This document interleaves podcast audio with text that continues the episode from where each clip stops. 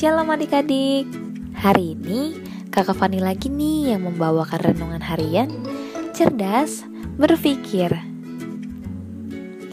Melalui renungan harian ini kakak berharap pikiran kita dapat semakin terbuka dan dapat diisi oleh kebenaran firman Tuhan. Hmm, Kakak jadi ingat nih kisah mengenai perumpamaan tentang anak yang hilang di mana anakku yang meminta harta warisan, lalu ia pergi untuk menjual harta warisannya. Dan ia pergi ke tempat yang sangat jauh untuk menghabiskan harta warisan tersebut. Ketika hartanya sudah habis, ia mulai merasakan kelaparan. Dan mau tidak mau, dia mencoba untuk bekerja agar ia dapat bertahan hidup. Namun ternyata keadaannya tidak menjadi lebih baik loh adik-adik karena ia sangat kelaparan. Bahkan ia sempat berpikir untuk memakan makanan babi loh adik-adik. Dan ia pun menyadari kalau memang kehidupannya saat ini begitu buruk. Dan sedihnya lagi, dia pun mulai membandingkan keadaannya sekarang dengan keadaan para pegawai ayahnya yang memiliki makanan yang berlimpah. Dia menyadari bahwa dia telah mengambil keputusan yang salah dengan mengambil dan menghabiskan harta warisannya tanpa sisa. Coba aja dia berpikir dan sadar di awal, mungkin hal ini gak akan pernah terjadi dan dia pun gak akan sampai harus menderita seperti itu. Tapi sebenarnya dia masih lebih baik loh adik-adik dibandingkan orang-orang yang sudah salah namun gak sadar-sadar. Lalu akibatnya ya orang itu terbiasa untuk melakukan kesalahan tersebut. Tentu kita pernah kan menemukan orang-orang yang seperti itu. Udah salah, bukannya nyadar, eh malah dianya yang ngotot. Eits, tapi jangan juga kita langsung menuduh. Jangan-jangan kita juga lagi yang jadi pelakunya. Kalau memang kita ternyata sama, ayo adik-adik, kakak mau mengajak kalian untuk berubah. Karena ketika kita tidak sadar telah melakukan suatu kesalahan, maka tanpa kita sadari, kita akan terbiasa untuk melakukan kesalahan itu terus-menerus. Dan tentu hal ini akan menjadi dampak yang sangat buruk untuk saat ini, bahkan sampai di masa depan adik-adik. Contoh, usia kalian belum mencapai sampai 17 tahun di mana kalian belum mempunyai KTP ataupun SIM. Tapi kalian udah membawa kendaraan. Ini udah jelas salah ya adik-adik.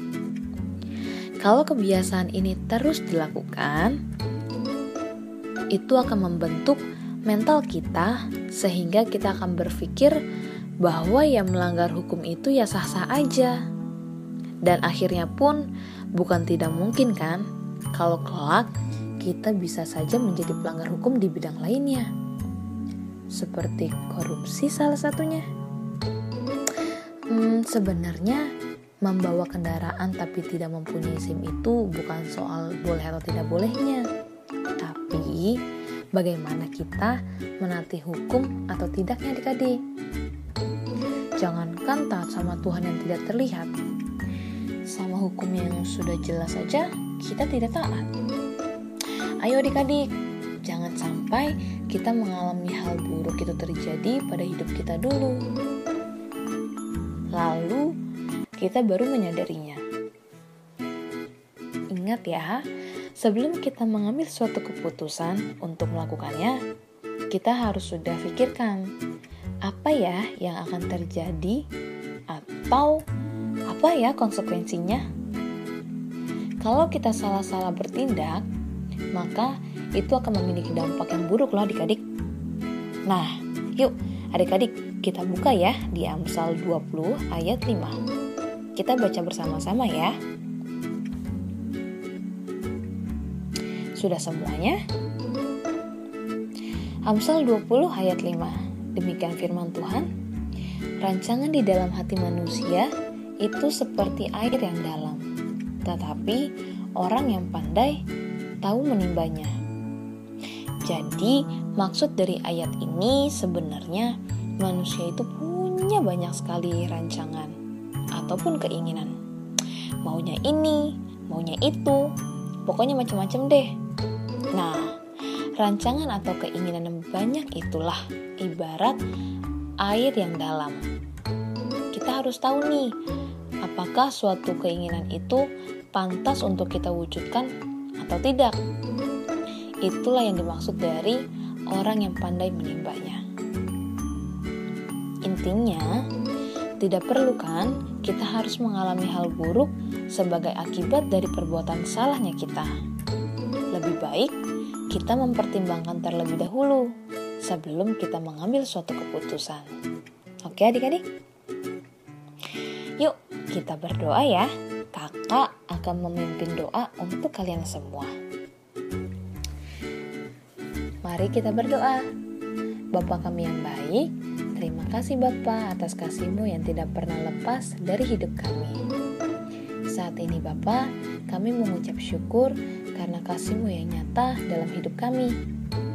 Bapak, kiranya melalui renungan harian ini, kami bisa lebih berhati-hati sebelum kami mengambil suatu keputusan, agar kelak kami bisa menjadi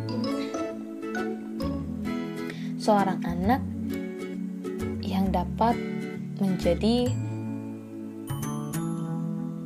lebih baik dan kami tidak salah mengambil suatu keputusan. Biarlah Bapa, ketika kami dihadapkan suatu pilihan, biarlah hanya kehendakmu saja yang jadi ya Bapa. Tuhan Yesus yang baik, peliharalah hidup kami agar kami bisa menjadi anak yang taat akan hukum negara, terutama taat akan perintahmu ya Bapa. Terima kasih Bapak. Hanya di dalam namamu kami telah berdoa dan mengucap syukur. Amin. Terima kasih adik-adik sudah mendengarkan renungan harian hari ini. Sampai jumpa di renungan selanjutnya. Bye-bye. Tuhan memberkati kalian semua.